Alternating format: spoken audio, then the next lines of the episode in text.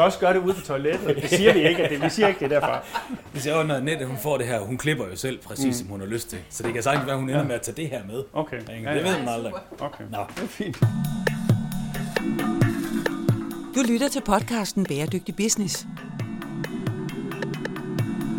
Lige nu står vi over for flere udfordringer. Klimaforandringer, knappe ressourcer og social ulighed. Men i denne podcast lægger vi idealismen på hylden og undersøger, hvilken rolle verdens virksomheder vil spille i omstillingen til et bæredygtigt samfund. Tag med, når CSR-direktør og foredragsholder Steffen Max Hø taler med førende eksperter og undersøger, om der er penge i at tage et socialt og miljømæssigt ansvar. Goddag. Goddag. Hej Rasmus. Hej Steffen. Der er jo Rasmus. Tak fordi jeg må komme forbi. Velkommen. Og Camilla, goddag til dig. Goddag. Hej. Hej, hej. Tak, tak. Nå, nej, men vi har jo, øh, vi har jo lige stået og snakket lige for et kort øjeblik siden, og snakket lidt om den her introduktion, og hvordan det var, man sådan skulle komme ind og lave den her øh, introduktion. Og jeg har lige besluttet mig for, at det bliver sådan lidt mere en flydende indgang, så vi sådan bare okay. snakker lidt lige nu, og så okay. tager vi den derfra. Ja. Men det her, det er jeres lokaler? Det er det. Ja. Vi sidder og kigger ud på havnen. Og I på, Aarhus, vel at mærke. Øh, I Aarhus, ja. Ja. ja. På sporvognen, der kører forbi. Eller letbanen, som de kalder den her i byen. Ja. Det er sjovt, da jeg begyndte at lave podcasten her, så blev jeg meget forfængelig Mm. omkring mit jyske. Ja. Så jeg begyndte at træne mig selv op i ikke at sige sort, men at sige sort. Ikke? Det gør vi i Aarhus. Ja, så nu falder jeg jo i, når jeg skal tale med, når jeg skal tale med en anden oceaner. Det her det bliver jo helt uforståeligt for alle sjældne, når de skal høre det. Nå, men det er jo virkelig en lækker adresse, gammel, Mm. øh, hvad, gammel øh, bygning, og så kan man kigge ud på, øh, på havnen. Altså, det er jo, altså, man kan jo nærmest tisse over ved Domkirken herfra. Det kan ikke være mere centralt. Det er meget her. centralt. Ja. Ja. Men, men skønne lokaler. ja, Og vi skal jo optage en podcast i dag omkring firmaet her, Upcycling Forum. det skal vi. Det glæder jeg mig til at høre meget mere om. Skal vi ikke hoppe ind, Jo, hvor lad os den ind søde Camilla har stillet kaffe Ja. frem til os? Det gør vi bare.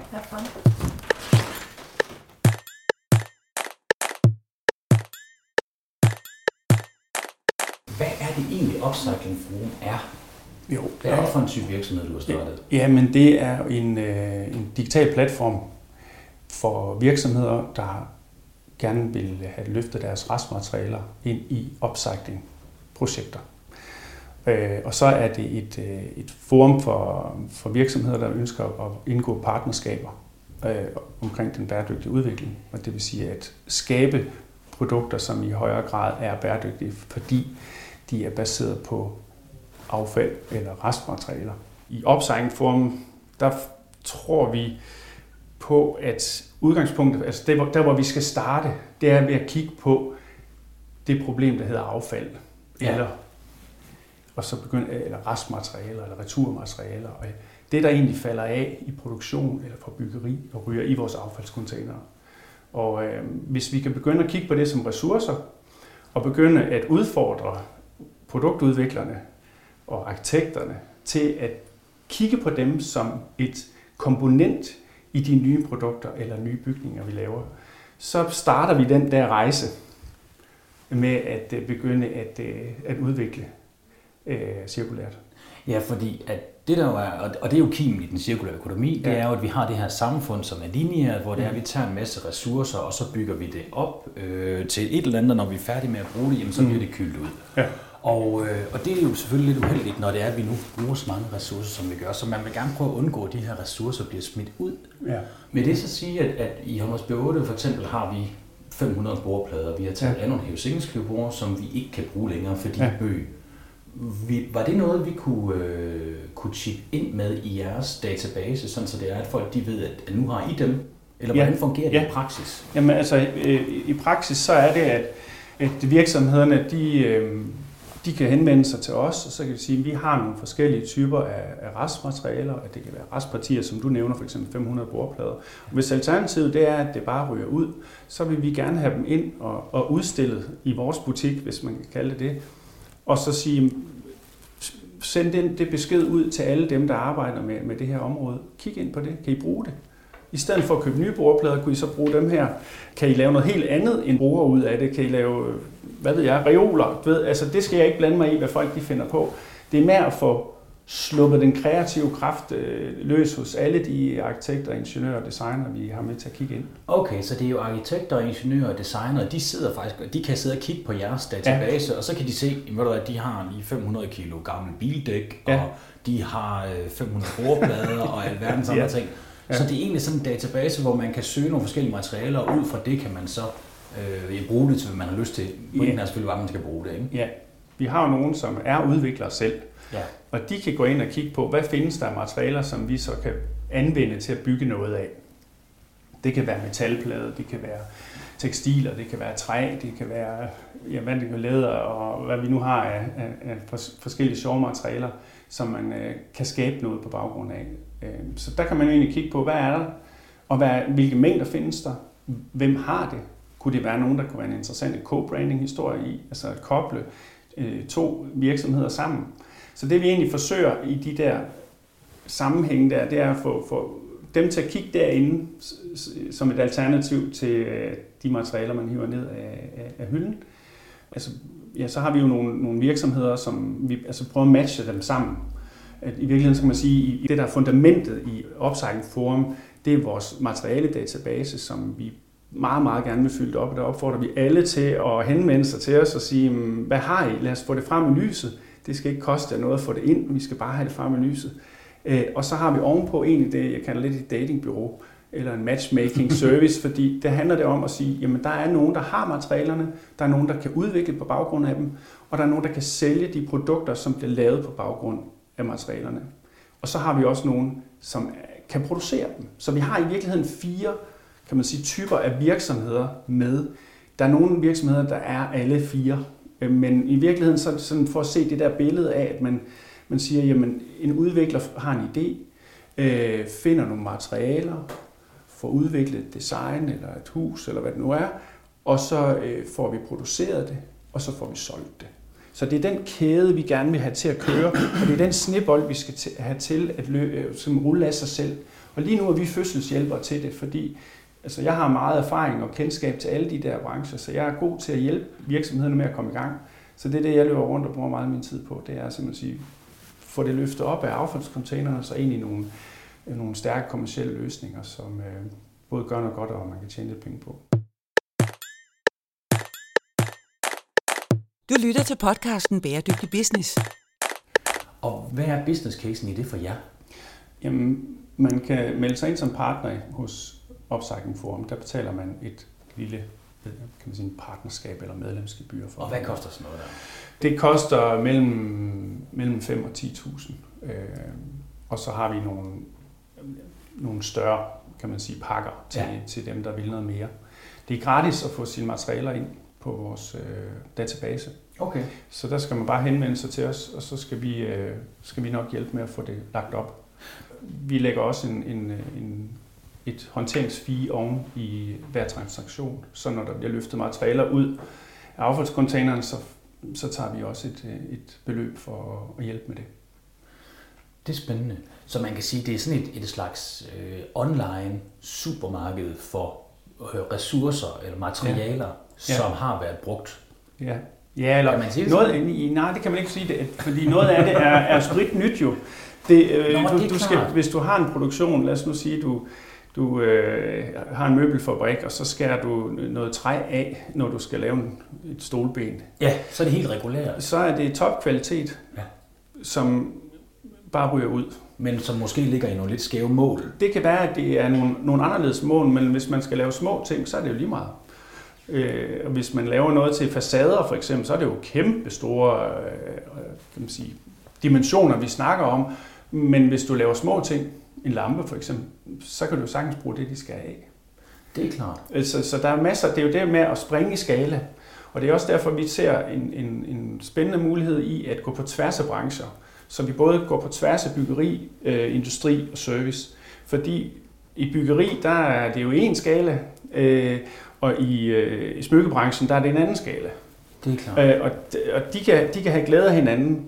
Og i byggeri, der har man for eksempel nogle af de udfordringer, det er omkring dokumentation, omkring materialer, man anvender. Så man bruger meget genbrug, så tænker man meget, at vi genbruger fra byggebranchen. Og, og vi siger, jamen prøv at kigge på industrien. Det er de mest veldokumenterede materialer overhovedet. Og det er, det er bare skåret af i en, en, en, en anden dimension. Øh, så, så, så hvad med at bruge noget af det? Hvad med at tænke det ind i, i byggeri? Så det er det der med at have flere kanaler ind og, og kigge det på kryds og tværs. For eksempel et, et gymnastikgulv, øh, hvad hedder sådan noget, det hedder det, Ja, sportsgulv. ja, ja, ja. Men, men sådan nogle brædder der, jamen det, det har vi jo allerede set eksempel på, det kan ryge ind i møbler. Øh, Det kan ryge ind i mange forskellige sjove typer af produkter, som ikke har med byggeri at gøre. Men, og det er der, hvor vi sådan skal, skal lege på tværs. Øh, Så, så øger vi nemlig øh, kan man sige, løsningsrummet for, for øh, hvad materialerne kan anvendes til. Det giver super god mening, fordi at, at man kan sige, når man er ude at designe ting mm. eller lave noget nyt, jamen så, eller ude at lave et Mm. eller andet produkt, så Mm. tager man jo gerne udgangspunkt i sine vaner. Hvor er det, vi kan bestille de her ting hen? Der køber man det altid sådan irregulære plader ved en eller anden fabrikant. Ja. Men det, der jo lidt er fordelen ved det, det er jo, der ved man, hvis vi leger, at vi skal lave en lampe eller måske et bord, Mm. jamen så ved vi, at hvis det bliver en succes, så vil jeg altid kunne få det her materiale igen. Ja. Hvad gør man der i forhold til, øh, til det her forum? Fordi det må Mm. vel være i begrænset kvantitet. Altså det, der er udfordringen her, det er selvfølgelig, at, at vi ikke kan gøre, som vi plejer. Vi kan ikke bare sige, at der er en lind strøm af det fuldstændig ensartede materialer. Så derfor så skal man, så skal man udfordre ud, udviklerne til at starte med at sige, det er det her, der er udgangspunktet. Jeg har jo selv designet mm, rigtig mange produkter, og der har, det jo, der har vi jo altid startet med et blankt stykke papir, så egentlig været, der har været øh, frit valg på alle hylder. Ikke? Men hvis man nu giver sig selv det benspænd, og det benspænd gav vi os selv for 100 år siden, hele tiden. Der er kun det her. Mm. En af de historier, jeg godt kan lide, det, det er Le Klint for eksempel. Le Klint, da hun lavede lampeskærme i slutningen af 30'erne og i, under krigen, øhm, der lavede hun en foldet lampeskærm af et ark papir. Ja. Ingen spild. Og det er jo bare, fordi det var det, der var. Og i hendes mindset og de værdier, hun stod med, der lavede man ikke spild. Det var der ingen, der kunne finde på. Altså, altså jeg tror egentlig, der er, hvis vi, vi kan lære noget af det, vi gjorde engang, og så trække det ind i nutiden. Så des, designer, ingeniører og arkitekter kan med fordel kigge på, hvordan man gjorde engang. Og når jeg taler med nedbrydningsbranchen, i, i, for 50 år siden i nedbrydningsbranchen, der var det lige før man betalte for at få lov at bryde et hus ned, fordi det indeholdt så meget værdi. De tjente jo, de, tjente, de fik jo ikke penge for at bryde ned. Det gør de nu. De, det gør de nu, og det er jo fordi dengang, der, der havde alt, hvad, alt i huset havde en værdi, som kunne sælges. Ja, materialet i sin Og i dag, der bliver man belønnet for at være hurtig til at bryde ned. Og det er jo der, hvor man siger, hvis nu, øh, hvis nu det, man, man anskuede det på en måde, så det, at bygningen indeholdt værdi på værdi på værdi, at alle, alle produkterne i virkeligheden havde genanvendelsespotentiale, så vil det jo, være, så vil det jo repræsentere en, en meget, meget stor nedbrydningsværdi materialmæssigt. Og det er, jo en, det er jo en fantastisk vision. Man kan så bare sige, at vi jo bevæget os derhen af nu, hvor det er, at økonomi ligesom er blevet en guld. Ja. Eller ikke guld, ja det er det også, men det er også blevet en gud Mhm. for rigtig mange. Og det er jo det, der har bragt os i nogle problemer, hvis man kigger på klima og, øh, og på det her vanvittige ressourceforbrug, som vi Ja. har.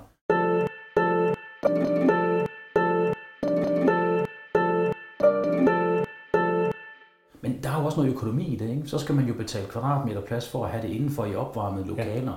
Så der er vel også en iboende konflikt i, at råmaterialer bare ikke er ret meget værd. Ja, det er der. Men det er derfor, vi skal prøve at gøre tingene på en ny måde. Øh, Så hvis man for eksempel som udvikler ved, at man skal til at lave nogle, nogle produkter af en eller anden art, mm. så kan man reservere en affaldsmængde. Så sige, vi, vi har brug for det her, øh, det her, de her restmaterialer til at bygge noget af. Så det vil vi gerne. Og så er der en leveringstid, ligesom der er på mange andre produkter. Det er bare affaldet, som så bliver taget fra, som en ressource, du kan bruge øh, hos nogle andre. Det er smart, så optimerer man jo hele det flow med, Ja. hvornår det er, at de skal ikke først blive til affald for at ligge et sted, for at blive Mm. transporteret et sted hen, og så blive brugt, og dermed Ja. ikke længere være affald. Ja, vi kan ikke, vi kan ikke forlange af virksomhederne, at de skal til at bygge en lagerhal, hvor de putter deres øh, restmaterialer ind. Så de skal køre i de, i de gængse systemer, indtil der kommer kunder til det. Når der er kunder til det, så er det en forretning, fordi det her det skal være kommercielt det her.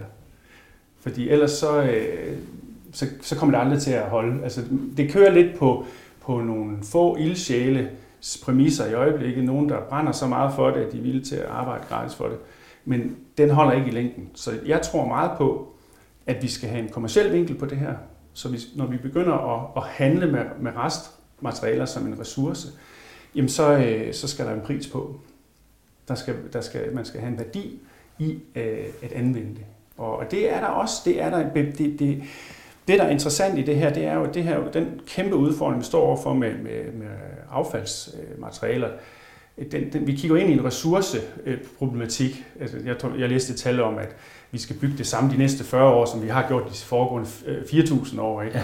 øh, amerikanerne har brugt lige så meget beton i, i, i de, de sidste 100 år, som kineserne har brugt de sidste 10 år. Altså, det er sådan noget, øh, der er noget skala på det her, så selvfølgelig kommer det også af sig selv, at der, der vil, man begynder at anskue øh, det, som i dag betragtes som affald, som en ressource. Det, det er en nødvendighed.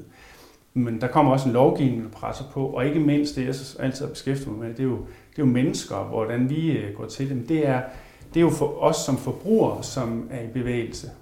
Jeg følger nogle af de her buy less movements. Jeg ved ikke, om I mm. kender jo, til jo, dem. Jo, jo. Det synes jeg er mega interessant. Og buy less movement til folk, der ikke lige ved, hvad det er, selvom det er jo sådan til at forstå. Men det er jo det her med, at man skal købe mindre. Ja, altså der er jo, især blandt unge er der rigtig mange, som gør det til en livsstil at købe meget få ting. Ja. Og der er store øh, sociale øh, netværk. Der er en, der hedder One Million Women på nettet, hvor der er 800.000 kvinder, som udveksler tips og tricks til, hvordan de undgår at købe ting, og hvordan de reparerer ting. Øh, der er et eller andet der, som jeg er meget nysgerrig på. Hvis det virkelig er noget, der bider sig fast, at vi køber mindre, Jamen, det er en udfordring for rigtig mange virksomheder. Hvad er deres svar på det? Ja, det er jo nemlig et vigtigt ja. aspekt, ikke? fordi at, at vi har jo bygget et samfund op lige nu, hvor økonomi er, altså hvis vi ikke vækster x antal procent hvert år, jamen, så kalder man det jo vildt recession. Ja. Altså, og det, øh, så, så det der med, at det hele er bygget op omkring økonomi, er vanvittigt vigtigt. Mm. Og det kræver, at virksomhederne de har noget at sælge, men hvis forbrugerne lige pludselig holder op med at købe tingene, så udgør det jo et problem. Ja. I USA har man også et begreb, man kalder stuffication hvor det er, at man simpelthen bare har nok ting. Altså, mm. der er nok fladskærme og senge og sofaer. Altså, vi kan ikke rigtig blive ved med at købe ting. Ja. Det er jo en udfordring for økonomien. Hvordan nærmer vi os det skift? Fordi at der er jo nok mange, der vil producere nye varer, som tænker, jeg vil ikke afskære mig for den mulighed, at det her det kan blive en stor kommersiel succes, ja. som skal kunne skaleres, og derfor kan jeg ikke bygge min forretning på mindre partier, som dog stadigvæk kan være store, ja. men mindre partier materialer. Ja. Så hvordan, hvordan bygger man bro mellem de to ting? Altså det er et helt vanvittigt svært spørgsmål. Det er mega svært, og jeg tror egentlig, det er det der med, at vi er vant til at kunne købe for én kanal. Ja. Og måske skal vi være, lave systemer, det, det er det, øh, jeg måske ser potentiale på sigt i, i det, jeg arbejder med, det er at kunne finde 10 eller 100 kanaler, som så skaber en samlet set større mængde. Ja. Så fordi, hvis vi kigger på, hvad det er, der er derude, og nu nævnte jeg, at der er en milliard tons affald i, i samlet set EU om året. Ikke? Ja. Det, så der er jo nok noget derude, der kan bruges, mm. tænker jeg. Og det er der også i Danmark med de tal, vi har. Altså byggebranchen, det er 750.000 tons, der bliver brændt. Ja, de altså, altså, der er jo sikkert også noget af det, der kan bruges. Så jeg tænker, altså, øh, det er bare det der med, at vi skal, vi skal have det frem i lyset, fordi så kan vi begynde at finde det. Øh, og øh, så skal vi udfordre måden, vi gør det på. Øh, altså nu, lige nu har vi jo et, et meget to meget spændende projekter sammen med, med Covi og Architema, hvor de hyrer også ind til at hjælpe med at finde materialer til, til to byggerier, som de øh, byder ind på. Det ene, kan jeg fortælle lidt om, det er noget, der hedder Stablen i Horsens, som er et, nyt genbrugscenter. Og det, der er interessant her... Så der skal bygges et nyt, ja, øh, en ny bygning, faktisk? Ja, der skal bygges en ny bygning en stor, kan man sige, et stort projekt for, for Horsens Kommune, men de har jo sat et krav om 65% anvendelse af genbrugsmaterialer. Så der kommer der jo krav fra, fra bygherrerne om, at vi vil være ansvarlige. Og hvorfor vil de være ansvarlige? Det er fordi, de i kommunen har sat nogle mål for, hvor de vil være henne i forhold til, til klima og så videre. Så videre det er jo det her med de offentlige indkøb, at de ja. trækker i den rigtige retning. Så de, de skubber jo på, og, og dermed udfordrer de jo virksomheder som Covi med 7.000 ingeniører og Architema med, med 550 arkitekter til at tænke anderledes. Ja, for når de siger, at 65% skal være genbrug, så kan man ikke bare gøre, Nej. som man altid har gjort. Så skal man ud og finde nogle nye materialer. Og hvad er jeres rolle i den del, siger du? Jamen, vi har jo et netværk allerede med virksomheder, som har materialer. Og så har vi jo øh, gode forbindelser øh, og partnerskaber med, med nedbrydere Så vi har jo også den vej ind, kan man sige, adgang til en, en brutomængde af, af, af materialer. Og den brutomængde, den skal bare have til at vokse, fordi så kan vi finde netto-mængden, som vi så vil bruge til at bygge sådan et Ja, det er klart. ikke? supermarked, som jeg Ja. kalder det for, for øh, materialer, overskudsmaterialer, der ligger Ja. forskellige steder. Det skal jo blive så stort som muligt, Ja. sådan så når det er, at arkitekter og ingeniører tager fat i jer, Upcycling Forum, og siger, vi ikke hjælpe os med at Mm. finde nogle brugt, eller nogle, nogle, kan man sige bæredygtige, eller genbrugsmaterialer. Hvad plejer I at kalde det?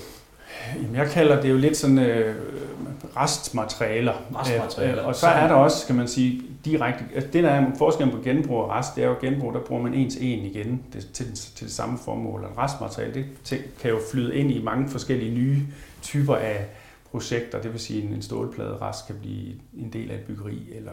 Øh, Ja, så pointen er, at jeres supermarked for de her Mm. restmaterialer, det bliver så stort som muligt, så man kan Ja. tage fat i jer, og så få fat i de ting, man har brug for til at bygge noget eventuelt. Ja. Er det kun i byggebranchen, eller er det også andre brancher? Det er jo i alle brancher. Altså, øh, nu har vi fokus på øh, industri, service og, og byggebranchen. Det er, en, det er en interessant udfordring. Ja, der, der er nok at gå i gang med det. Ja, ja, og, og vi har jo ikke svarene på det hele. Øh, Vi er meget ydmyge over for at sige, at vi er i gang med at øve os alle sammen. Og, og og jeg synes, det der er fedt med, med Covi og Actema, det er, at de har lyst til at øve sig sammen med os. Øh, fordi det, vi, har ikke, vi har ikke opskriften på, hvordan man gør det her. Hvordan genanvender vi betonelementer. Jeg har en kontakt op på, på øh, Universitetet i Aarhus, øh, som forsker i det der. Ikke? Altså, hvordan kan vi genanvende betonelementer? De kan holde i 100 år, Jamen. men i dag er der bare en masse bygningsreglementer og ting og sager, som gør det umuligt. Jamen, jeg gøre synes, det ikke? er skidesmart, det I Ja. laver. Jeg synes, det er sindssygt smart. Fordi det, det jo bund og grund drejer sig om, det er, at en arkitektvirksomhed Mm. eller en ingeniørvirksomhed, mm. de har jo ikke forbindelserne ud til alt det her, hvor de her reelle materialer, de er. Mm. Så sådan som jeg forstår jeres forretning, så er de, I samler alt det her sammen, så man kan komme ind og finde ud af, hvad er der af brugte ting? Ja. Ja. Og så stiller de jo nogle helt andre krav til arkitekten. Så skal de jo lige pludselig til at designe ting, måske med en sådan perforeret stålplade, i stedet ja. for en eller anden ting, som de havde Ja. forestillet sig, fordi I lige har den der stålplade på lager. Du lytter til podcasten Bæredygtig Business. Men er det ikke også lige pludselig blevet noget, som arkitekter de kan, øh, altså hvor de virkelig kan få lov at konkurrere og vise, hvem der er dygtigst? Fordi det kræver jo også, at man skal kunne tænke alt det her. Mm. Hvis du lige pludselig skal lave Mm. en bygning, men Ja. at der så er nogle, altså at du kun har et begrænset antal materialer, du kan bruge.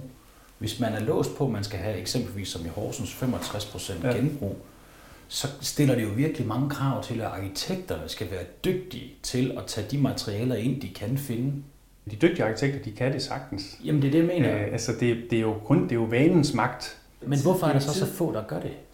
Det er fordi, det er, det er en, en, en mere kompliceret proces at gøre det, det og det er tidskrævende.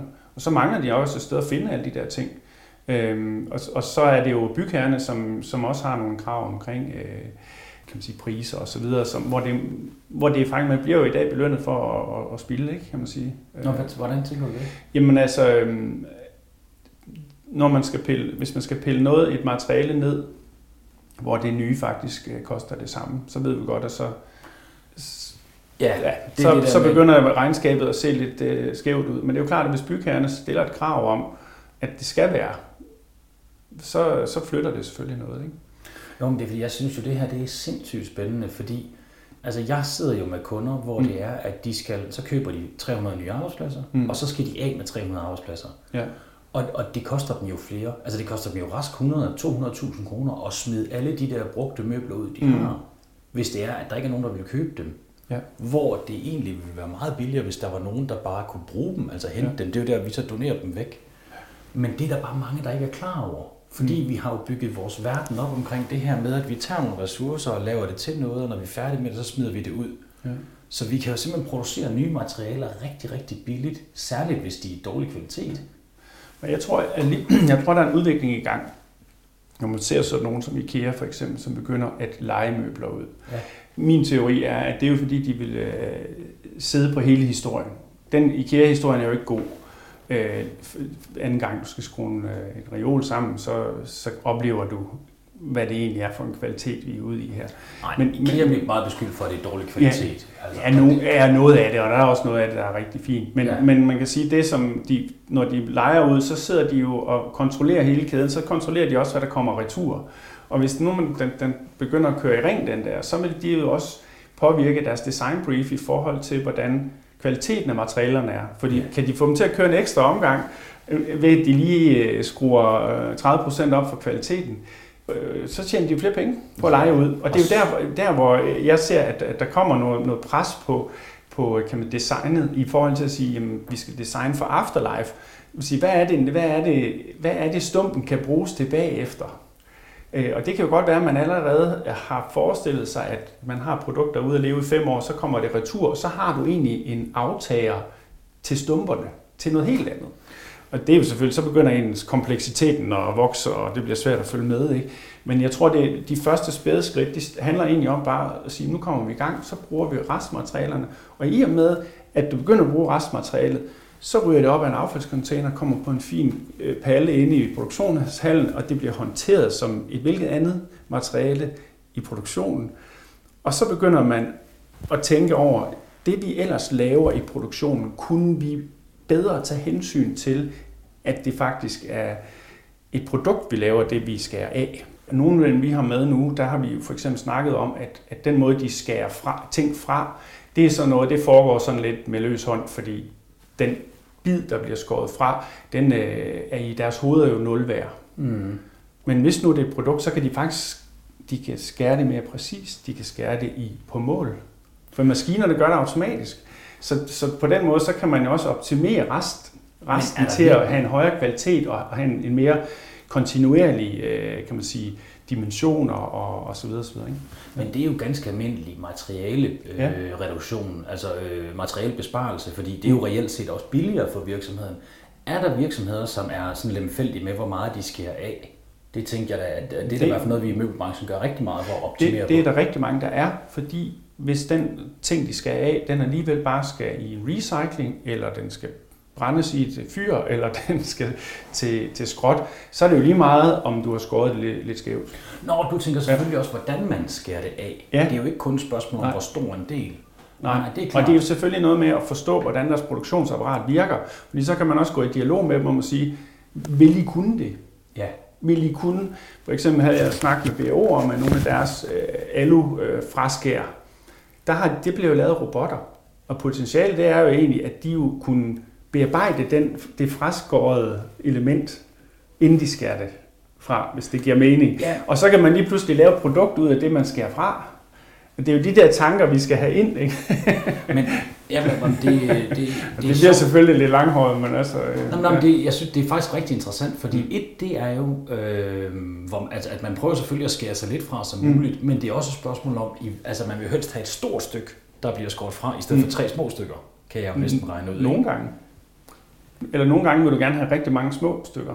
Det, jo, det kommer jo an på, hvem der skal aftage det. Men det, jeg, jeg også tænker lidt, det er, når man går ind i de her partnerskaber, hvor man finder en, en, en, øh, en kunde til deres restmateriale. Hvis man så kan få foræret en bearbejdning hos dem, der har materialet, den er gratis mange gange. Så det er den dialog om, hvordan man siger, hvordan kan vi egentlig, kan I lave vores stump til os ud af jeres rest? Ja, Fordi så får de en ny kunde, og de får en, lige pludselig laver de jo et produkt frem for en rest. Og det er jo der, det bliver interessant. Ikke? Er spændende, og det er den, det er den anden del af jeres ja. forretning. Det ene ja. det er det her øh, øh, supermarked for, ja. for restmaterialer, det andet det er så det her med partnerskaber. Ja. Og det er næsten, det kan jeg forstå, det er lidt det, du snakker om nu, er det ikke det? Jo, det er det. Vil du ikke prøve at komme med nogle cases og fortælle lidt, hvad er det, hvordan er det, I laver det her matchmaking mellem ja. virksomheder, som som har noget restaffald på den ene side, og nogen, der kunne mangle på den anden side. Jo, vi har, øh, vi har det her med byggeri, ikke? hvor vi, vi hjælper øh, Covi og Argentema med at finde materialer øh, til, til byggeri i Horsens, og der er der også et andet, vi byder ind på, og der er et tredje, et, vi snakker om. Så der er vi i gang med, med en stor skala, og det er jo sådan noget, du ved, så kommer de og siger, at vi skal bruge 10.000 kvadratmeter af det her, ikke? Og ja, der skal vi lige skal vi, ja, vi skal øve os, ikke? Øhm, Øh, men så har vi også helt ned i den anden skala, hvor vi, hvor vi laver noget, øh, for eksempel et showroom, øh, som vi lige har lavet sammen med fra JBS ude i Herning, som lancerer en bæredygtighed, øh, en bæredygtig kollektion. Og der er vi så sammen med et, øh, en virksomhed, der hedder EasyFair, som bygger øh, showrooms og messestande og sådan noget. Og der har de så fået restmaterialer fra Horn Bordpladefabrik, og så anvender de dem til at bygge et del af det her showroom. Og det, det er jo egentlig, kan man sige, der, der bruger den kreative øh, øh person hos EasyFair, Jakob, han sidder og kigger ned i vores kan man sige, database, og så vælger han materialer derfra, i stedet for bare at ringe der, hvor han plejer. Det er lidt mere besværligt, men man får jo en, man får også en stærk historie om, hvad, når man nu skal, JBS skal ud og fortælle, at de, de er bæredygtige, så vil de også gerne være det i deres showroom. Så de vil gerne vise handling.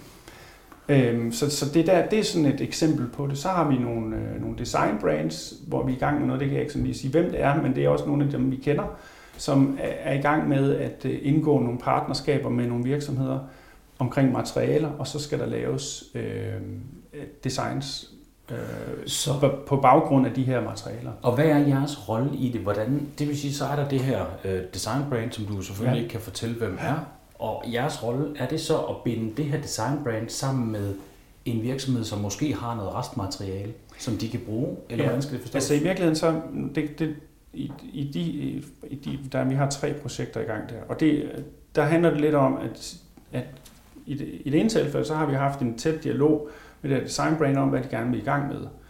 Og så siger vi, okay, vi har nogle ønsker i den og den retning. Og så er det egentlig os, der prøver at gå ud og finde en date til dem eller et materiale til dem. Okay, ja. Så, så siger vi godt, her har vi har fundet nogle materialer øh, og et produktionssetup, og så prøver vi at, at få dem til at lege sammen, så man kan lykkes med det her. Og det er jo, det, der skal bare være den vilje hos dem alle sammen til at sige, det er ikke et greb i lommen, øh, som man plejer, og, og vi kender så godt, vi skal alle sammen gøre noget nyt, og vi skal vi skal anerkende, at det nok er lidt mere besværligt. Man kan ikke gøre det, som man plejer. Men belønningen er jo, at de så kan komme ud med nogle produkter, som har en helt anderledes historie, som lige præcis måske er attraktiv for nogle af de her, kan man sige, den målgruppe, som begynder at stille de gåseøjne lidt besværlige spørgsmål. Hvor kommer det fra? Hvem har lavet det? Ikke? Og, og, det og alle de der ting, og hvad, hvad, hvad, hvad er jeres holdning til det og det og det? Og alle de der uh, trælse spørgsmål i gåsøjne, der får man altså credit for som virksomhed at vise, at man begynder, at man begynder at handle på det her. Og man starter måske i det ene hjørne, og så bygger man på med erfaringer og viden, og så prøver man at folde det ud i, i større skala bagefter. For hvad er grunden til, at man skal gå ind og arbejde med, øh, med at bruge restmaterialer? Hvad er den kommercielle interesse i at gøre det? Man kan fortælle en anden historie, siger du. Er, der billigere? er det billigere? Øh, jeg tror ikke... Øh, man kan ikke sige, at det nødvendigvis er dyrere. Men jeg tror ikke, at, at, at, at det bliver billigere af det øh, øh, som udgangspunkt. Det vil være mere besværligt. Ja, det, er svært at, det er svært at sige, om det på sigt, når, man, når vi bliver dygtigere, om det så ikke rammer nogenlunde det samme. Øh, men, men det, der er argumentet for virksomheden, det er at sige, hvor er jeres kunder på vej hen i hovedet? Hvad er det for noget? Hvad påvirker corona os i forhold til, hvordan vi bruger vores penge? Stiller vi spørgsmål og siger, vi, der er nogen, jeg hører jo nogen, der siger, vi, vi er ikke så glade for at købe ting fra Kina, eller der er nogen, der siger, der hvad, hvad sker der med klimaet, ikke? Og, og hvad, med, hvad med materialerne, og alle mulige spørgsmål, som, som kan påvirke i forhold til at sige, øh, måske skal vi, eller så skal vi måske i gang med at forholde os til, til det, der bliver spurgt om. Hvor, hvis vores kunder bevæger os langt væk fra, hvor vi er nu, jamen, så mister vi dem jo. Og det, det er der, jeg tror, at hvis man er sådan lidt på forkant med en udvikling, så går man lige så stille i gang nu. Hvad er din opfattelse af kunderne, når de henvender sig til jer? Hvad er deres motivation for at gå i gang med det her? Vi har jo fra den, fra den ene til den anden, altså vi har dem, der siger, jamen hvis I kan sælge vores materialer og matche en, øh, en skrotpris, øh, eller øh, I kan skaffe os af med det, så vi øh, sparer en udgift til at komme af med det øh, som affald, jamen så, øh, så, så, så, er der, så er der penge at spare. Det kan de godt lide. Det er der nogen, der er motiveret af. Samtidig så kan, de også, så kan de også sige, at de gør noget i forhold til deres CSR. Så er der, så er der øh, de virksomheder, som, som meget gerne vil i gang med det her på, på, på forskellige ambitionsniveau. Der er jo nogle virksomheder, vi snakker med, for eksempel sådan nogle som som Novo, som har en, en Altså, de har jo en strategi om ikke at have, have affald i, i 2030. Og det er jo klart, det forpligter dem der på at lede efter alle mulige måder at komme, komme af med affald, i, eller, eller undgå at lave affald. Og, og der, der, kan, der er de jo så nogen, der er relevante for os at få ind, ikke? fordi så kan vi jo hjælpe dem med at løfte dem ind i nogle, øh, i nogle nye sammenhænge og nye partnerskaber. Så er nogle af dem, der er meget ambitiøse, de siger, vi, skal, vi vil finde partnerskaber. Vi skal, vi skal tænke det her lidt større, og nu starter vi her i et hjørne. Så øver vi og så bygger vi på, og så skal det være en, en måde, vi gør det på. Så bliver det en del af deres strategi, at sørge for, at deres restmaterialer de bliver, kommer ind i de her sammenhænge, og at de selv også begynder at bruge dem. Det er jo også ofte det, at mange af virksomhederne, de smider ud herover i den ene ende, og så køber de ind i den anden ende. Og der, det er kun et benspænd fra nogen side om at sige, at I skal bruge det der først, inden I bruger det der. Så vil det godt, så vil de jo sikkert kunne bruge øh, måske 20% eller 30 eller hvad ved jeg, af det, der egentlig ryger ud i den anden ende. Ja, udfordringen er selvfølgelig bare, at hvis du kyler noget ud i den ene ende, og du køber noget ind i den anden ende, de to ting er ikke altid det samme langt fra. Nej. Og så er der selvfølgelig et ret stort øh, økonomisk, øh, en stor økonomisk udgift forbundet med at finde ja. ud af, hvordan får vi så lige det her affald puttet ind i vores egen produktion. Ja. Men der kan man jo så sige, at et forum som Upcycling Forum er jo ret smart i forhold til, at så kan de aflevere noget affald et sted, men de kan til gengæld købe noget affald et andet sted, som de så ja. kan bruge i deres forretning, for det er ikke sikkert, at de to typer affald er det samme. Ja, og jeg kan komme med et eksempel på, sådan, hvor det er sådan helt lavpraktisk. Der har vi en virksomhed, som, som hedder Lindart med, som øh, har en masse plastfolie. De har et stort problem. De, de laver faktisk 1500 meter plastfolie. Det er cirka 1 meter 20 eller 30 øh, bredt, og så er der 1,5 øh, km af det om dagen. øh, og det, øh, det, det vil de jo gerne af med. Og så har vi jo en anden virksomhed et andet sted, som, som pakker ting ind i folie. Ja, de to skal jo møde Dem, de har lavet en lille bytter der. Ikke? Jeg er ikke sikker på, at de har taget alle 1500 meter, men det, det ved jeg faktisk ikke. Men, men, men der kan man ligesom det der med, at i samme industrikvarter, så kan den ene jo øh, købe noget, som den anden lige har smidt i affaldscontaineren. Yes. Og det kan, det kan jo være, det kan være smart, hvis de ligesom kunne finde, finde det. Ikke? Eller ja, for en stor det. del af problemet ja. er, at man ikke aner, hvad der foregår i ja, de andre ja, forretninger, det, det, fordi man flager jo ikke med, hvad man smider ud. Nej. Det er der jo ikke god business i. Nej. Lige her til allersidst, dokumentation er jo en ret stor del af alt det her. Hvordan kan for eksempel i den her case, du nævnte med Horsens, øh, hvor det er, at de vil i det her nye byggeri, der skal 65 procent af det være genbrug. Ja.